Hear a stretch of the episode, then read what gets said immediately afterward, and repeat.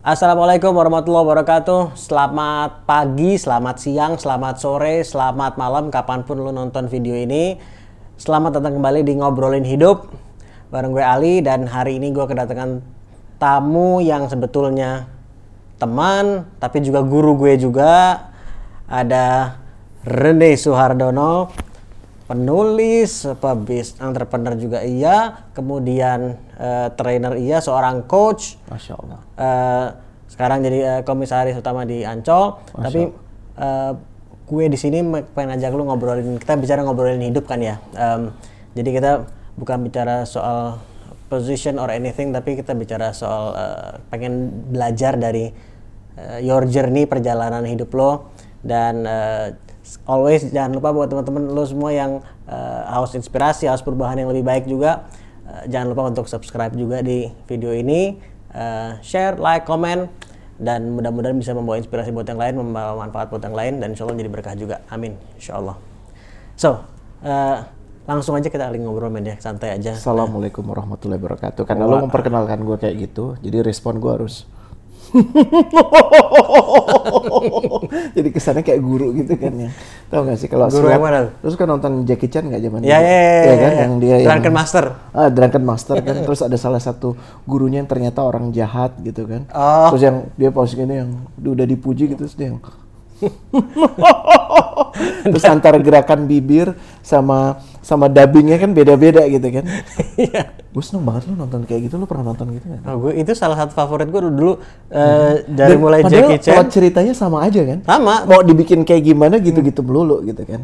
Tapi Ya itu kan? yang pengen kita lihat emang Iya, itu bener. gitu. Iya, emang.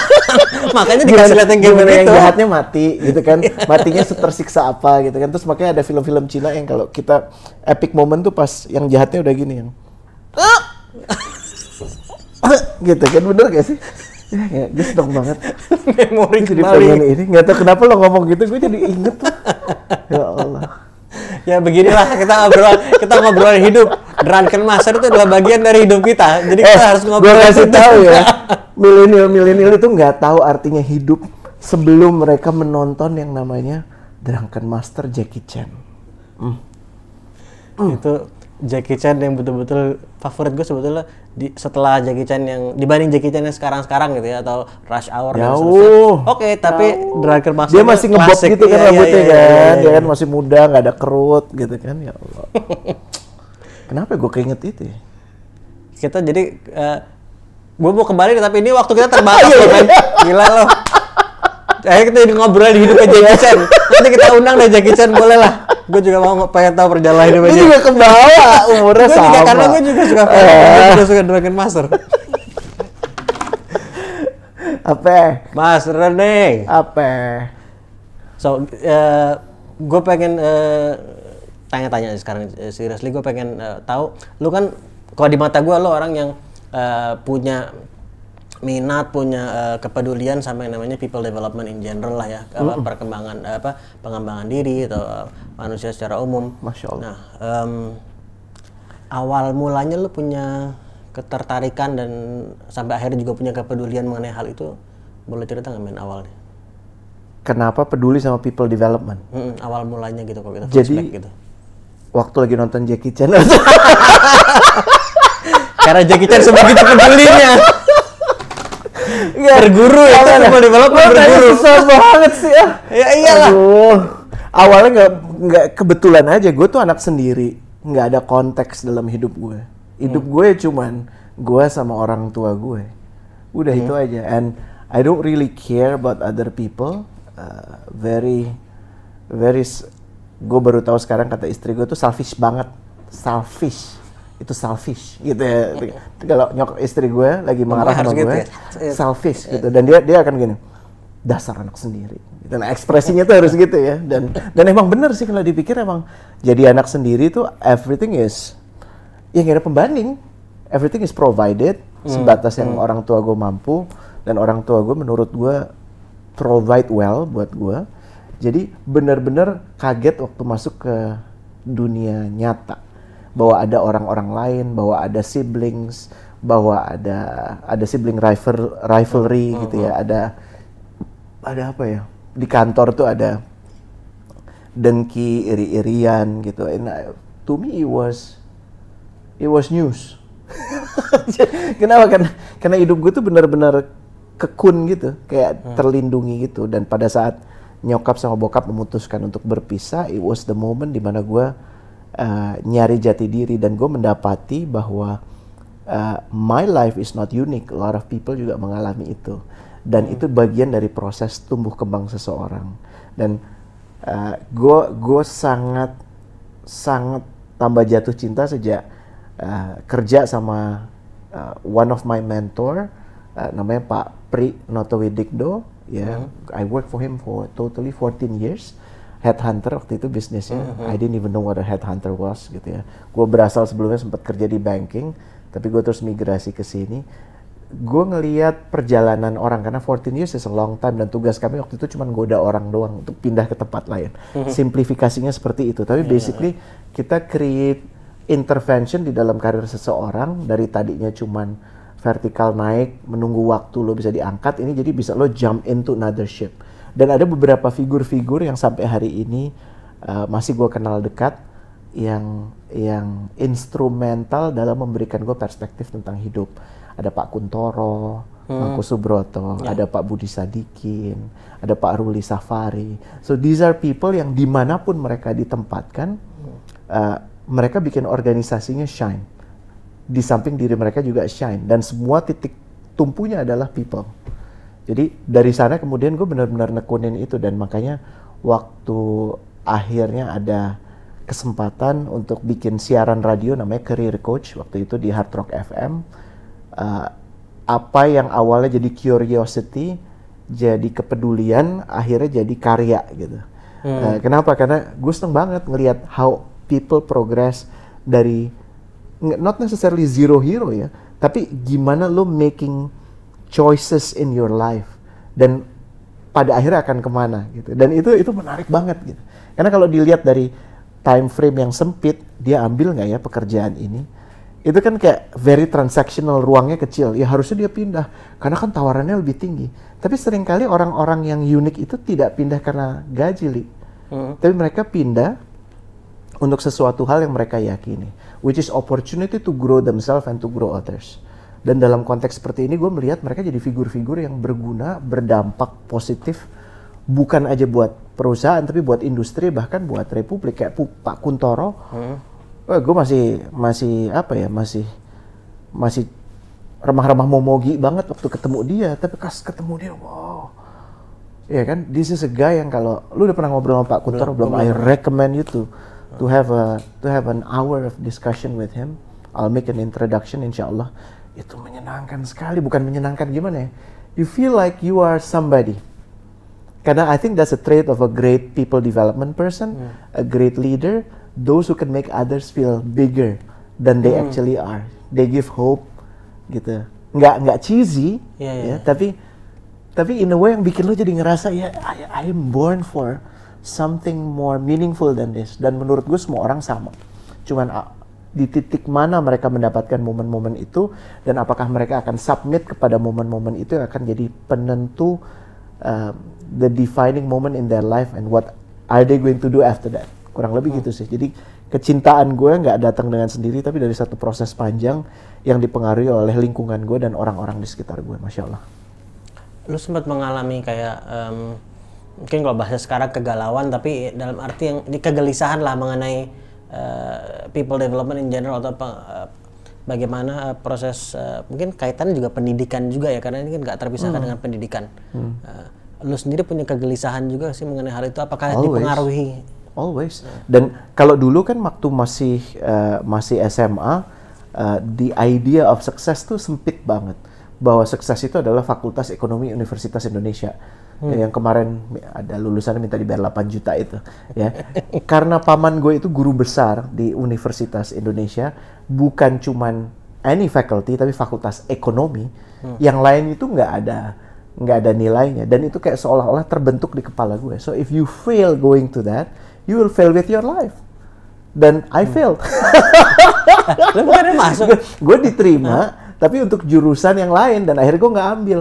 Baru kemudian gue ambil uh, perbanas, Terus baru kemudian setelah Perbanas D3 lulus, gue banting setir untuk bisa masuk ke extension FEUI. Oh. Jadi itu is not a school that I need, tapi is a school that my ego need. Ah, ah. ya kan dan gue ngerasa bahwa pilihan hidup gue waktu itu kalau aja gue tahu certain thing about success on how you define success ini bisa membantu orang. Karena sekarang kita kebanyakan kegalauan itu muncul karena ego. Ego yang defeat oleh sekeliling kita. Ngerti nggak? Why, why do you I mean I, I'm sure you know lah. Uh, education itu sekarang is a pursuit of prac- prestige.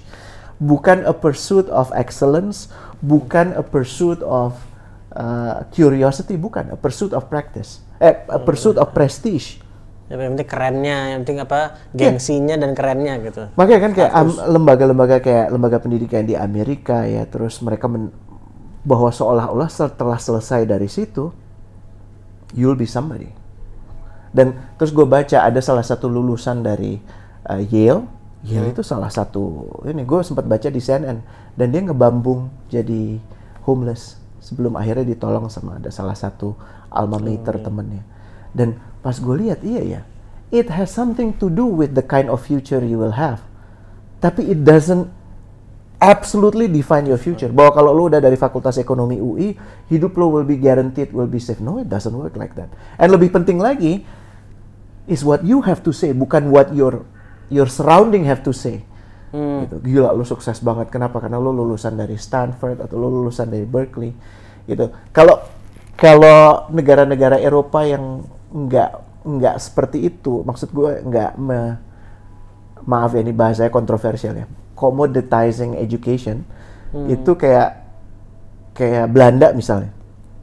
Lo atau Belgia lo mau dari mau dari Universitas Groningen dari Utrecht University dia comparable cuman pertanyaannya kebutuhannya lo butuh nggak sih untuk masuk ke situ?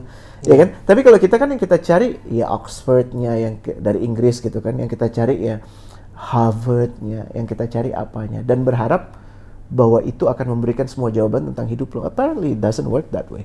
So the pursuit of prestige, prestige itu tadi mengantar gue pada satu realization bahwa I always I fed my ego too much.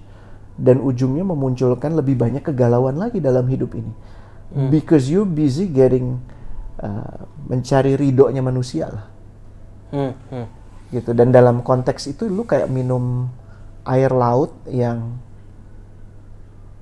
yang nggak akan membuat lo menjadi terasa kenyang, terasa penuh, malah butuh terus, lebih haus dan menjadi addicted to it.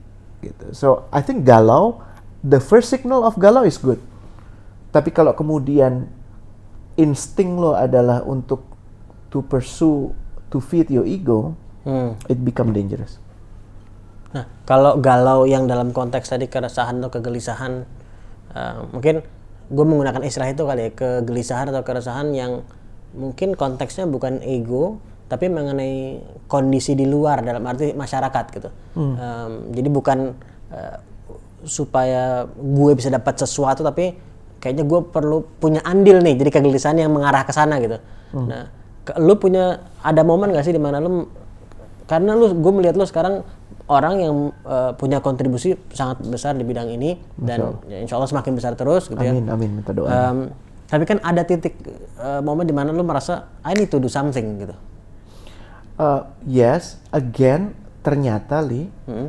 kalau gue coba menelisik perjalanan ke belakang itu, that feeling Hmm. itu masih feeding the ego, karena the feeling of um, usefulness to others, the savior, com- the savior syndrome tau ya, bahwa gue adalah penyelamat, if not because of me, uh, maka nggak akan ada buku Your Job is Not Your Career. If not because of me, there will be no one here heard of career coach di Indonesia, kata passion dan segala macam. Uh, dan waktu itu memang asal muasalnya adalah noble intent untuk mencoba uh, membuat orang punya kesadaran lebih bahwa yang namanya pekerjaan dan karir itu dua hal yang berbeda.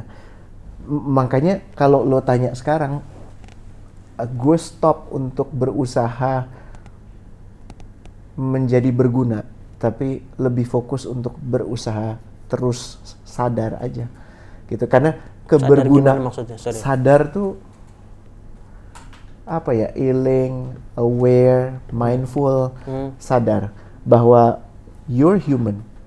You can reach as much as you are capable of. Ya you can you can lo bisa berproses tapi ujungnya penentunya adalah Allah. Kalau gue ngelihatnya seperti itu. So I'm more apa bahasanya? Realistic in terms of putting what I can change what I cannot and to focus on what I really want. Karena ternyata jawaban kebergunaan gue yang dari awal tuh gue ingin mengubah bagaimana dunia berpikir tentang culture ingin mengubah bagaimana dunia berpikir soal work reinvent life eh reinvent work life balance atau reinvent the way we make a living reinvent education. I stop doing that.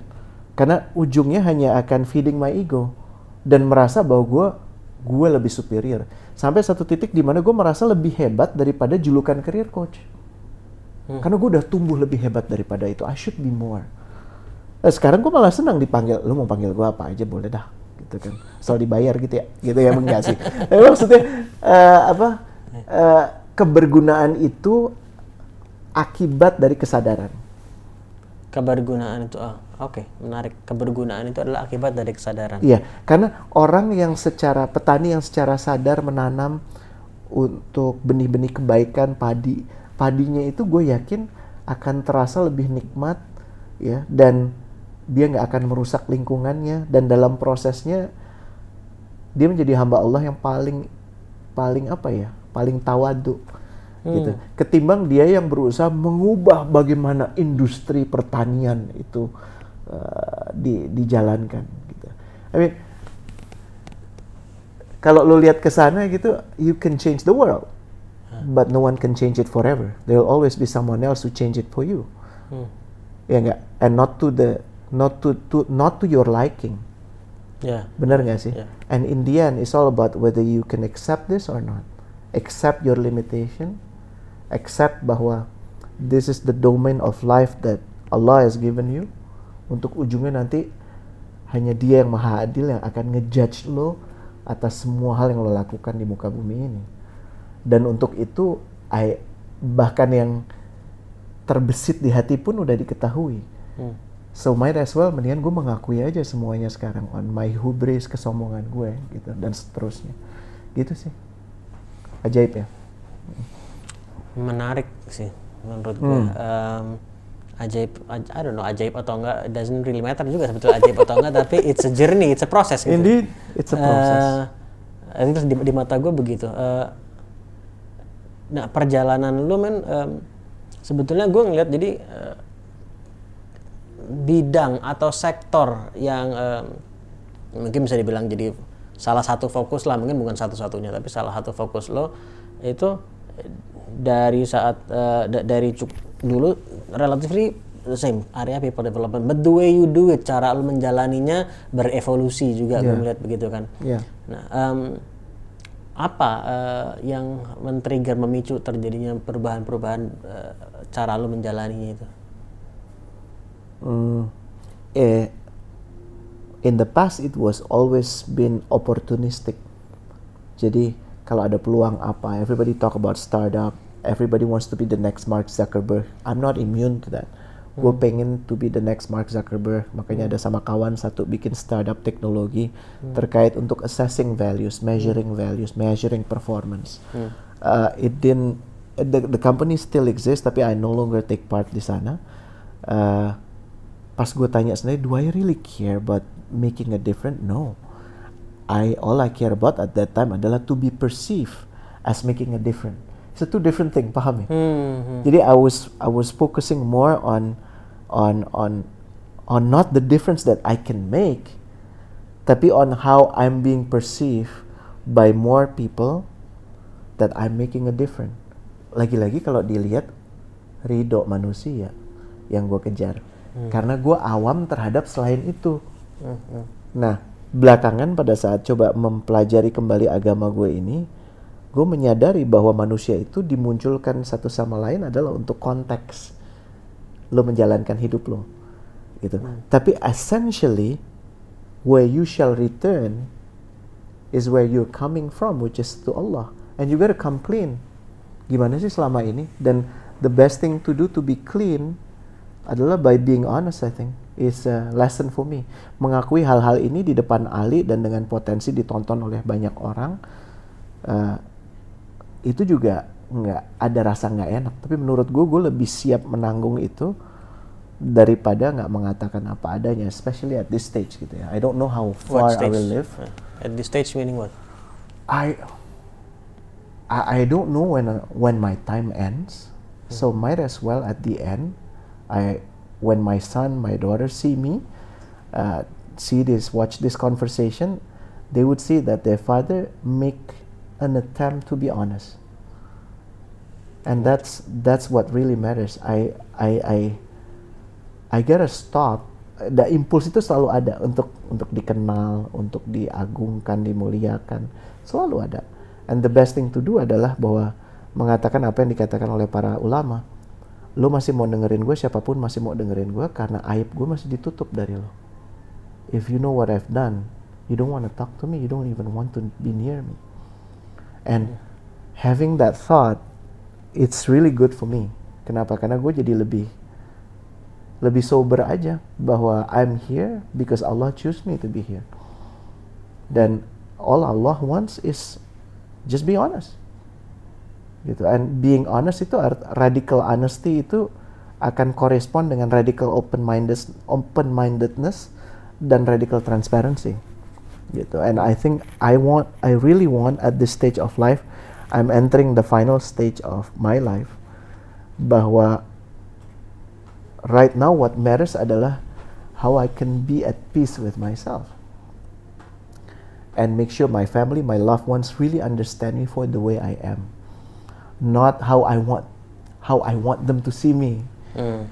Kembali ke tadi yang ridho manusia tadi itu. Ya. Ya. Ya nggak sih? So, Very insightful. masya Allah. Um, kalau dalam menjalaninya gue, uh, gue mau bicara. Jadi kita maju mundur ya men. ya? Nggak apa-apa. relax. Um, baik dengan cara lo menjalani yang dulu, ya, dengan cara lo menjalani sekarang, ya. Dua-duanya kan pasti ada tantangannya juga. Karena dua-duanya lo punya tujuan juga, gitu ya.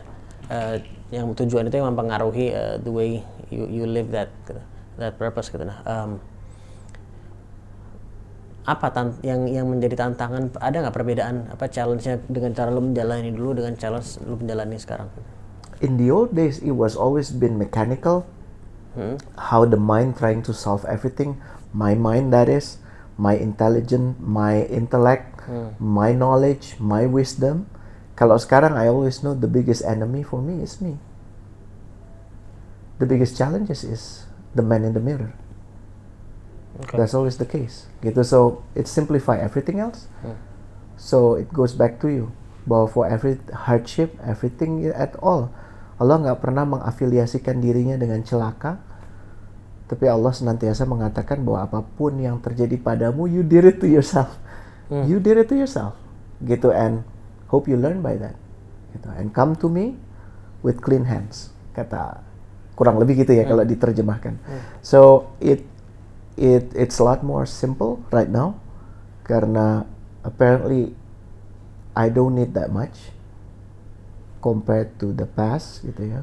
Muna my wife knows so well gitu betapa gue peculiar banget, particular banget on the place that I sleep, the kind of hotel that I would be in gitu ya, terus the kind of car dan segala macam. At some point in time it become it doesn't matter. Gue pernah tidur cuma di karpet sholat doang and it's full with thousands of others and I had the best sleep.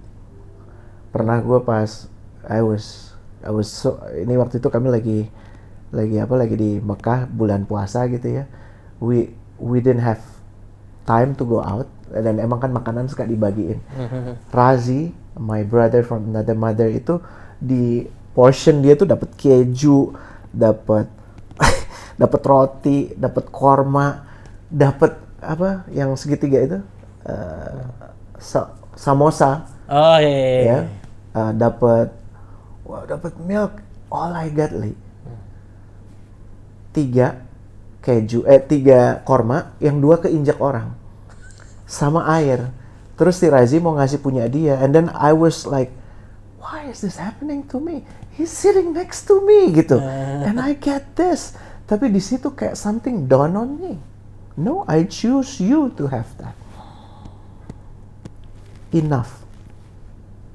Gue digituin. Dan to me it was the biggest lesson gitu. Dan kalau inget itu I got emotional because it's the way Allah say, saying saying to me. Who decide whether you have enough or not is me not you. Gitu. Jangan biarkan uh, apa your nafs itu control you. You don't need more. Dan gue coba kontrol diri gue untuk nggak minta sambil marah-marah. Bagi separoh gitu kalau yang sebelumnya mungkin kayak gitu gitu ya. Jatah preman atau apa pun enggak tapi gue coba makan itu dan uh, apa I got so hungry I get so sad I get so angry. Tapi after that pas gue udah bilang ya Allah terima kasih ini yang sudah kau inginkan untuk aku nikmati. Yang namanya peace tuh dan habis itu gue keluar gue beli gue beli ini juga sih. Pas selesai Isa. Tapi tapi maksudnya apa? I get Allah I think Allah is my best apa he's the best trainer ya he's the best planner. Dia tahu banget yang dibutuhkan sama gue tuh apa dan my iya. Gitu. So I I I I try not to dictate myself on what I need. Kadang istri gue juga masih nggak percaya gitu. You don't mind? Gitu. no I sleep anywhere gitu. Walaupun dia nggak bisa sleep anywhere karena kalau di samping gue kalau gue ngoroknya udah keterlaluan dia terbangun gitu kan. Tapi I seriously have no issue where I live the kind of clothing I wear gitu dan udahlah gitu. And you don't need that much. And that is liberating. For me that's liberating. Untuk hilangnya kemelekatan dari hal-hal yang menurut lo mendefinisikan lo to me is liberating. Gitu. yang mem- kembali ke pertanyaan yang memicu yang memicu perubahan eh, artinya lu merasa saat ini kan meskipun kalau dilihat dari pandangan ma- eh, umum material apa materialistik gitu ya kan berkurang tapi you feel you get more. Kalau gue melihat kan gitu kan. Masya Allah. Em, nah, eh, yang memicu bahwa ternyata em, semua ini kok gue nggak merasa cukup ya atau muncul ke, sama tadi kegelisahan tadi juga. Ada ada kejadian tertentu nggak sih? Misalnya hal-hal tertentu yang memicu lu membuat sampai berpikir kembali gitu. Oh ya, uh, easy to say. Uh, the book is there. Uh, inilah jalan hijrahku. ya. Uh, penerbit Mizan, you are uh, masih related to you yang menerbitkan. Thank you for that. It was 2017, uh, puncak awal tuh 2017 puncak dari semuanya cerita rentetan kesombongan dan apa pengabdian gue kepada akal dan nafsu gue sendiri Uh, sampai pada satu titik di mana semua keburukan gue dibukakan bukan kepada siapa pun kecuali ke istri gue. Dan di momen itu kami udah what the obvious thing to do ya adalah bercerai aja go in our separate way. Karena there is no way for her to forgive me dan untuk bisa berjalan normal. Dan di satu titik di mana gue merasa bahwa my wit, my ability, my intellect, my intelligence, my wisdom, my ability to influence others including my wife nggak berguna. And you feel so ashamed with yourself you can't even stand looking at yourself in the mirror. Gitu. Dan itu proses yang yang apa bahasanya apa ya? Proses menguliti diri gue. So that's the turning point. Gitu. Dan masih berproses sih sampai sampai sekarang. Gitu. So itu s- kondisi yang mungkin apa namanya eh, salah satu trigger yang yang paling yang paling eh, memicu lah gitu ya.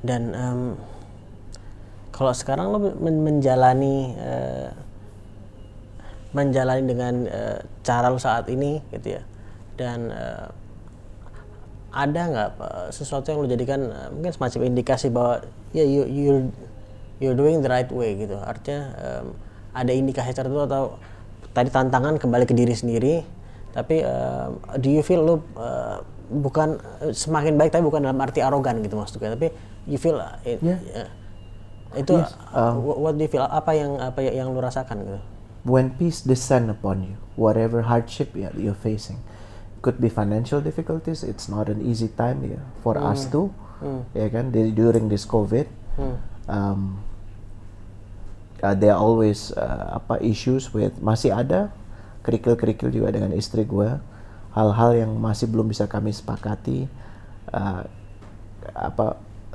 saat hal-hal buruk yang gue lakukan dulu juga masih kembali ke dia. Mengingat itu kan mestinya nggak mudah gitu ya. Terus juga uh, my my own regrets gitu my own remorse ataupun berhubungan dengan orang yang nggak asik atau apa pun itu. Tapi ujungnya kalau kalau kalau kita sudah menjalani ini dan hati kita bisa bahasa dikokohkan uh, for me there's a clearer signal. Jadi gue tuh at this time uh, bah- mungkin kalau dimaknai secara berbeda jadi sangat buruk ya. I don't really care much about what's going on. I do what I can do and I stop making comment, making evaluation about the thing that doesn't concern me. Jadi kayak ini pun juga masih belajar gitu ya. Untuk tidak berkomentar pun gitu. Dan I need to thank my wife karena dia yang melepas gue dari ketergantungan sosial media di mana lu merasa selalu harus butuh berkomentar exist kayak kantor berita selamat hari ayah selamat hari ibu gitu ya. Selamat hari pahlawan and you figure out something kata-kata bijak yang lu harus keluarkan. No, no more gitu. And it, it, it was funny gitu karena waktu uh, keputusan secara sadar itu diambil alih ke Muna the first week was miserable gitu karena kan kayak, Ya, kayak, gua I, I want to know. I want to know baru mau tanya tuh gimana tuh pertama I wanna know, gitu kan. And and the first week was not good. Terus uh, you want to know, ya kan ada curiosity. Tapi after the three after the third month, peace. Just peace. You don't need to know. Tapi lu masih ngecek nggak kayak misalnya sosial apa kayak Kadang-kadang. Instagram lo, misalnya gitu. Kadang-kadang kan kalau I write then I give it to Muna, Muna yang post, masih gua kadang-kadang ngeliat. Tapi semakin lama semakin nggak ada kebutuhan buat itu. Uh, she she always has uh, apa keywordnya dia, if you have to know, you'll know. If Allah decide for you to know, you'll know. Dan benar Hmm. gitu dan if I don't need to know I don't need to know so I'm not uh, gue nggak worry tentang the fact that I'm not informed I'm not updated gue masih suka kadang-kadang ngecek apa uh, CNN atau ngelihat YouTube atau apa but that's random aja gitu dan it's liberating untuk tidak ada di social media platform Hmm. Hmm. gitu Dan eh, itu menjalani kayak gitu sekarang. Eh, ada minuman. Woohoo! Oke. Hmm. Masya Allah enak. Dan eh, kayak sekarang lu misalnya em, lu udah ya udah jalan aja gitu kan. Cuma eh, kayak tadi sosial media lu udah kalau eh, lu perlu lihat lu akan nanti juga ngeliat gitu kan. Nah, em, tapi kalau lu udah merasa nggak nggak butuh untuk to do something yang kayak di arti karena pada masyarakat tadi atau apa ridho, Ridho. manusia tadi itu em, eh, yang saat ini mendorong lo untuk tetap menulis misalnya A- apa yang mendorong lo untuk tetap melakukan kayak menulis atau sharing kayak misalnya gini nih dengan kita ngobrol-ngobrol gini apa yang membuat lo masih yuk ayo gue mau gitu atau yuk gue pengen nulis gitu Hmm. Apa ya bahasanya ya? You just know it that you have to do it gitu. Mbak membahasakannya mungkin kayak kayak on on certain thing in life gue gue sekarang jadi feel banget gitu. Dulu emang udah feel, tapi sekarang lebih feel banget. feel meaning gimana Feel tuh di di drive how how is my do I feel right doing this gitu. Hmm. Do I want to do this? So I ask myself really gitu dan dan setelah gue jawab ya, do I want to do this because I want to get another adulation from others? Kalau masih ada sedikit keraguan, I choose not to do it. Tapi kalau no, I just like talking to Ali and I'm curious too, so I do it. Uh, on writing, if there are things that menurut gue I need to write not for others to read, but for me to really understand my understanding about this, then I write. So I stop writing for others, I just write for me. Gitu. Apa yang biasanya lo dapatkan uh, for yourself saat lo menulis? Lately, Hmm. uh, discourse Hmm. dengan diri sendiri Ya. bahwa biasanya setelah akhir tulisan itu dan gue kalau nulis biasanya gue suka kasih ke Muna gitu dan dia bilang I don't think you write from your heart she said that terus pas gue baca gitu. Bener tapi. Gitu karena karena I was itu lagi-lagi Rene Rene yang ingin dilihat hebat muncul lagi. And you know that struggle that discourse dengan that ego in you always happen. I I happen to me that happen to me. Cuman bedanya gue punya editor juga kan sekarang kan dan dia akan bilang nah kalau gue kemudian udah nulis as I have to write there's release. There's this apa ya li ya ini maaf ya ini ini, dis- ini buruk sekali. Kalau lo pagi-pagi lo makan malam malamnya tuh banyak banget ya terus abis lo minum kopi and you gotta do it. Dan abis lo ngelakuin rasa lo apa? Hmm. exactly. Lo abis tobat nangis bercucuran air mata. Itu kan sebenarnya rilis. Ya. bener nggak? Nah I feel the same way. I try to do everything about talking to others uh, writing and any context of my life dalam konteks itu. Not because uh, not because I have to but because I need to do it gitu. Not for others for me gitu. Because I need to do it. What is it that you need?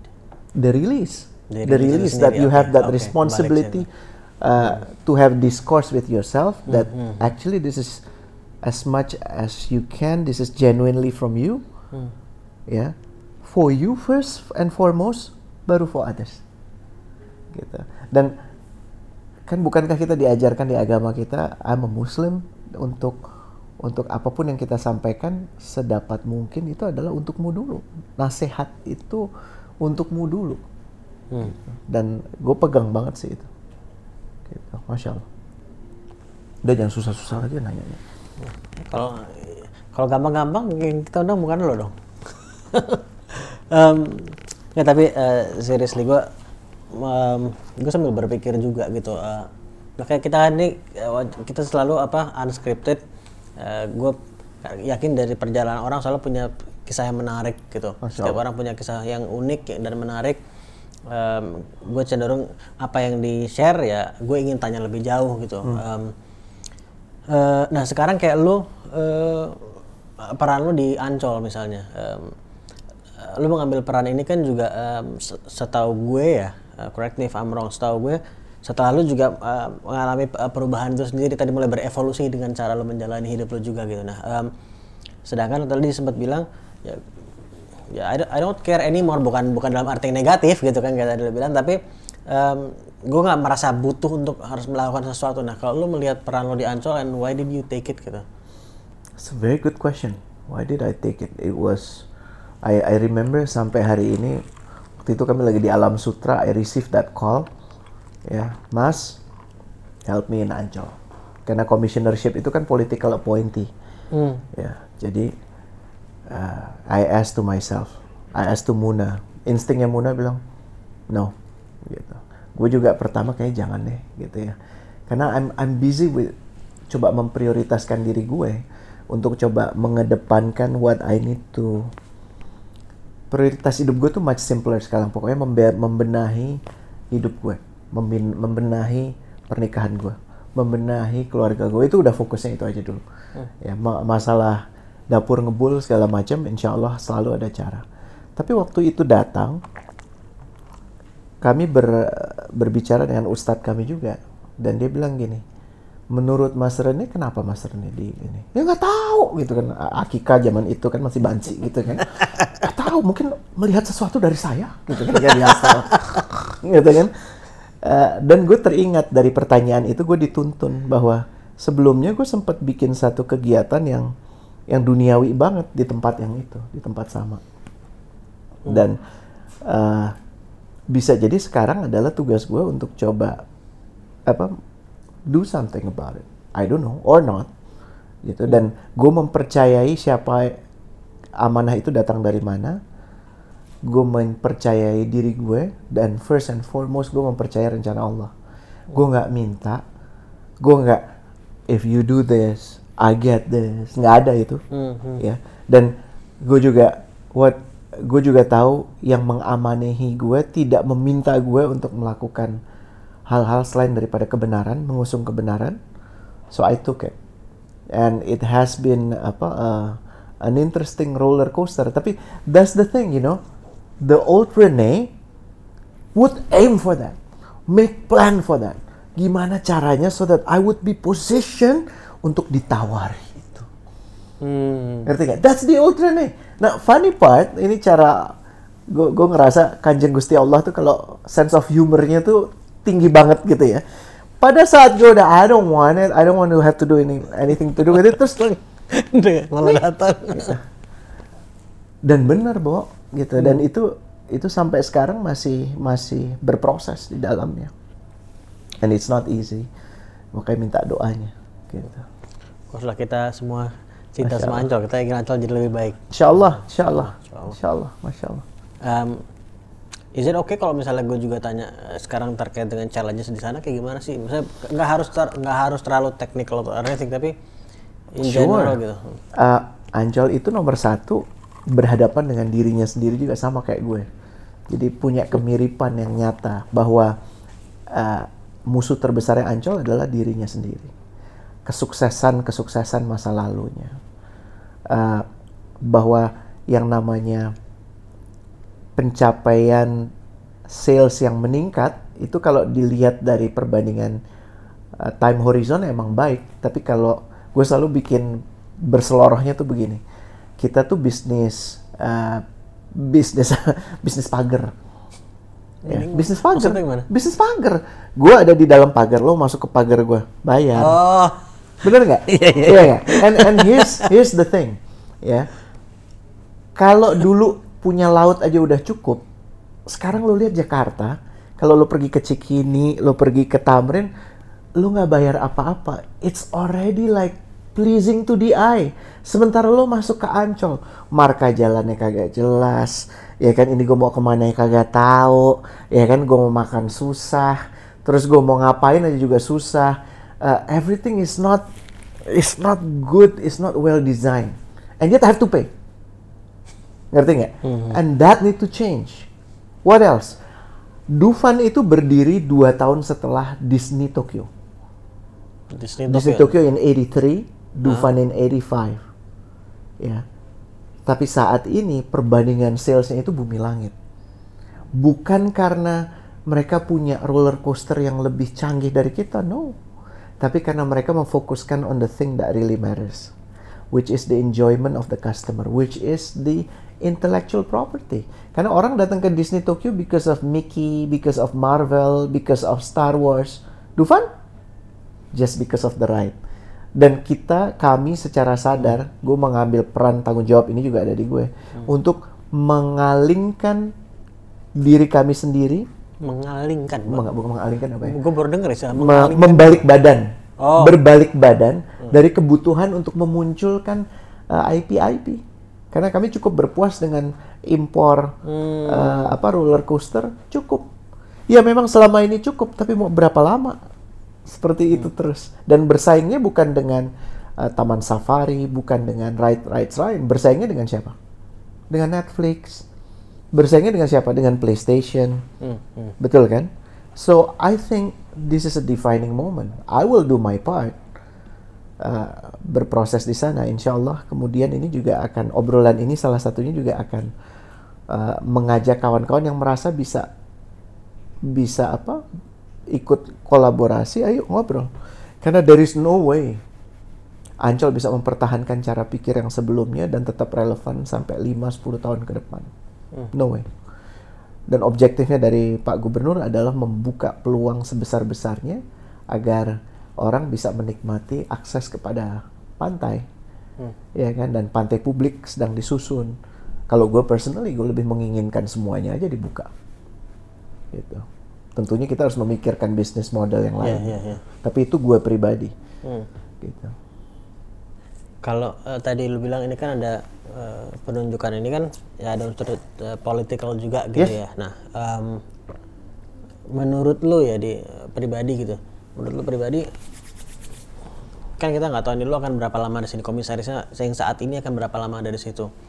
Um, seandainya terjadi perubahan uh, lu sendiri melihat apakah sekarang Ancol juga terlepas siapa komisarisnya nantinya gitu. Let's say dalam dua tahun terlepas siapa komisarisnya apakah sudah bisa mulai mengarah ke uh, proses seperti yang lu bilang tadi? Meskipun uh, ya tadi bertahap pasti gitu ya the biggest problem is the mindset of the people the mindset, especially the leaders, including myself. Hmm.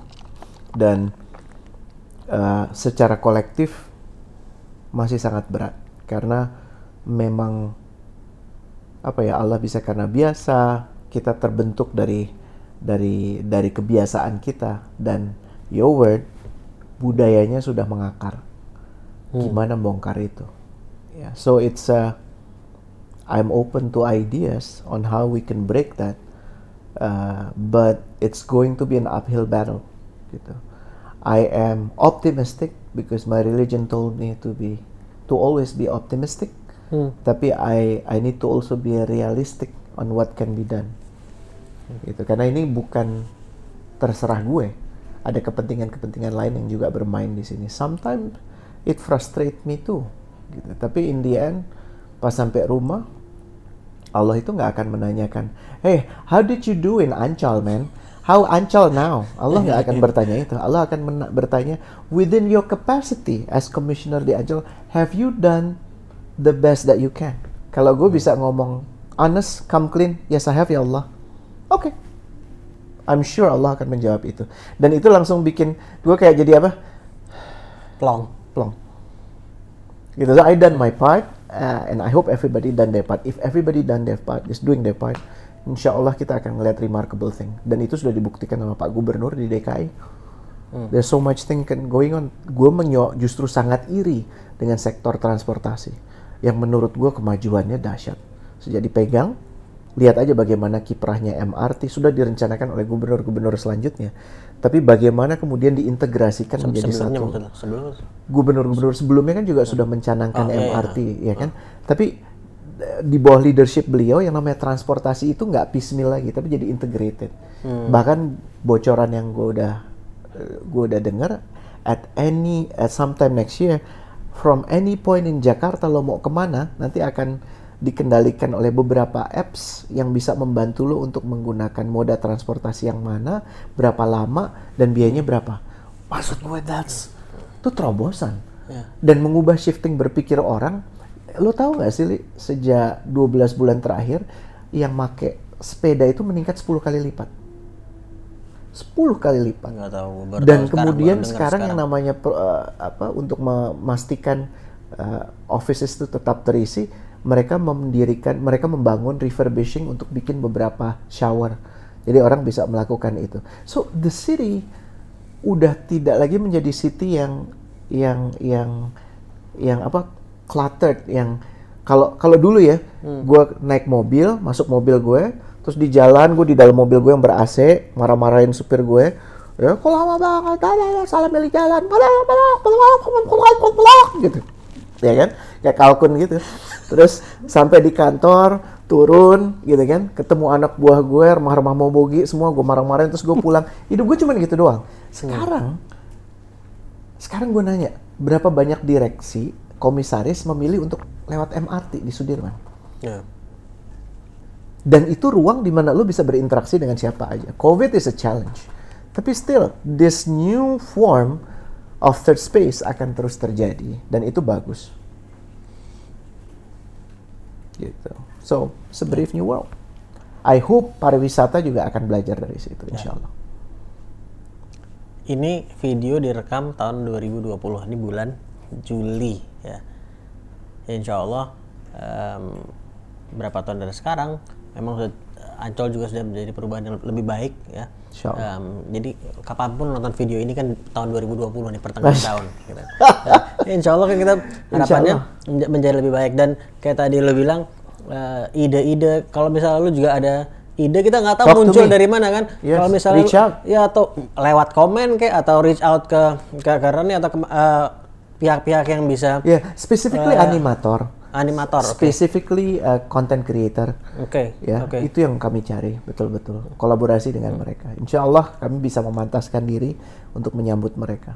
Ya kita nggak tahu datangnya dari mana kan siapa pun yang yang lihat ini siapa tahu jadi eh, channel ada nggak channel tertentu ke mana kalau misalnya Just uh, uh, I give you, I can give you my number atau kasih email aja. nanti. ya, ya. dan juga nanti kalau di eh, di video ini di bagian deskripsi lu juga bisa melihat mungkin eh, beberapa channel mungkin bisa bisa jadi saluran saatnya Iya. lu punya ide atau apa juga bisa disampaikan ke situ ya. Um, man, thank you so much. Terima My kasih pleasure, banyak. Masya Allah, Li. eh, gua nggak tahu waktu kita eh let me check. Nah, sedikit beberapa, pertanyaan terakhir aja deh mungkin. Em, kalau tadi lu bilang di awal kembali ke awal tadi lu bilang saat gue SMA gue melihat sukses itu ya sempit kayak gitu kan F E U I gitu. Nah, em, dan eh, mungkin beberapa tahun kemudian em, saat lo bekerja di eh, sektor yang berbeda-beda mungkin agak berevolusi juga definisi sukses buat lo. Dan sekarang how do you see it? Susah ya. Um, sukses uh, to me now is is being able to spend time with my family in a meaningful way. Gue bisa ngajarin mereka hijayah dari tadinya gue buta buta huruf hijayah. Buat gue itu the biggest success yang bisa gue rasain. Karena sebaik apa pun lo di dunia ini lo akan meninggalkan dunia ini. Jadi kesuksesan lo itu bukan bukan ke, bukan bu- tidak sama dengan kekuasaan kekayaan yang lo kejar tapi kemuliaan yang akan Allah berikan ke lo. Bukan manusia ya. Karena kekuasaan dan kemuliaan itu dua hal yang berbeda. Orang bisa berkuasa tapi dia nggak mulia. Ya. Dan eh, Allah itu memuliakan orang lewat orang-orang yang dia muliakan.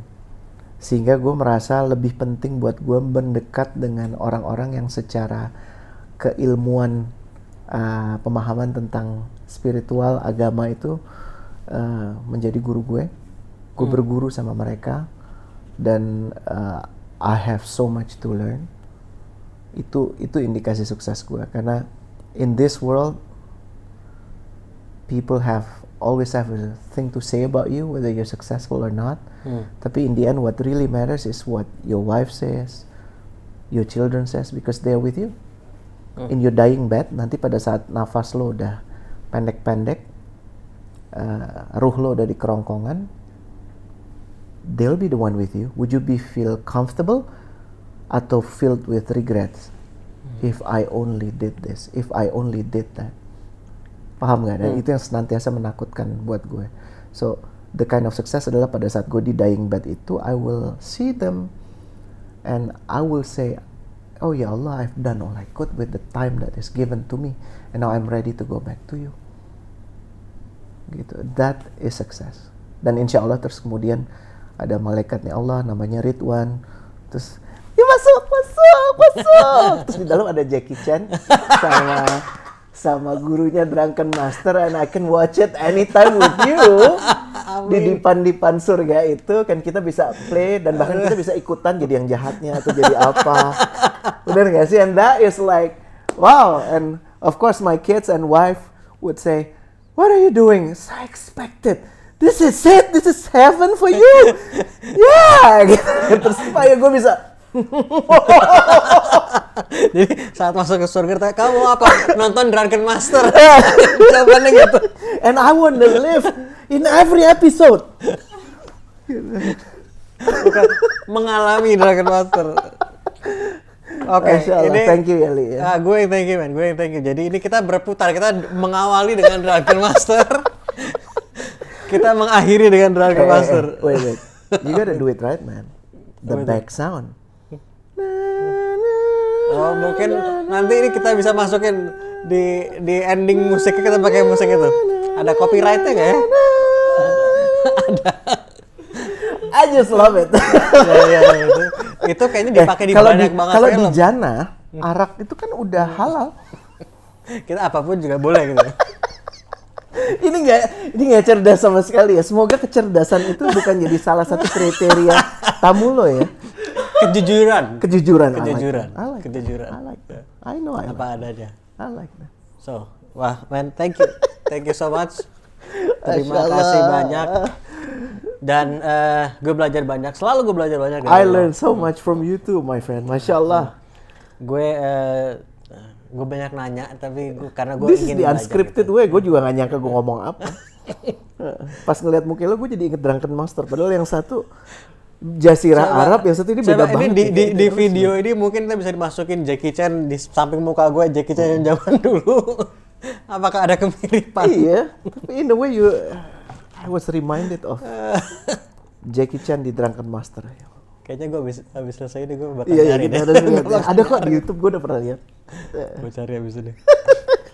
Bro, thank, Thank you so much. ya. Thank you Pleasure so much. ya bro. Assalamualaikum. Mohon maaf kalau ada salah kata. Ah. Aslinya emang begini, masya Allah. Sama-sama juga teman-teman semua. eh, thank you udah mengikuti video ini juga, udah eh, join di sini. Em, sekali lagi, eh, mudah-mudahan ini bermanfaat ya. Dan yang lebih penting lagi juga mudah-mudahan ini dimanfaatkan. Amin. Ya. Dan Insya Allah membawa perubahan yang lebih baik. Dan sekali lagi buat lo yang eh, haus perubahan yang lebih baik, haus inspirasi, jangan lupa untuk subscribe, eh, share, like, komen. Gue kayak kayak standar template banget sih. Jangan lupa untuk like, share, komen. eh. But you know what I mean. So Iya, iya, eh, iya. terima kasih udah udah eh, nonton video ini. Dan Insya Allah kita ketemu di episode selanjutnya. Ciao. Assalamualaikum warahmatullahi wabarakatuh. Masya Allah.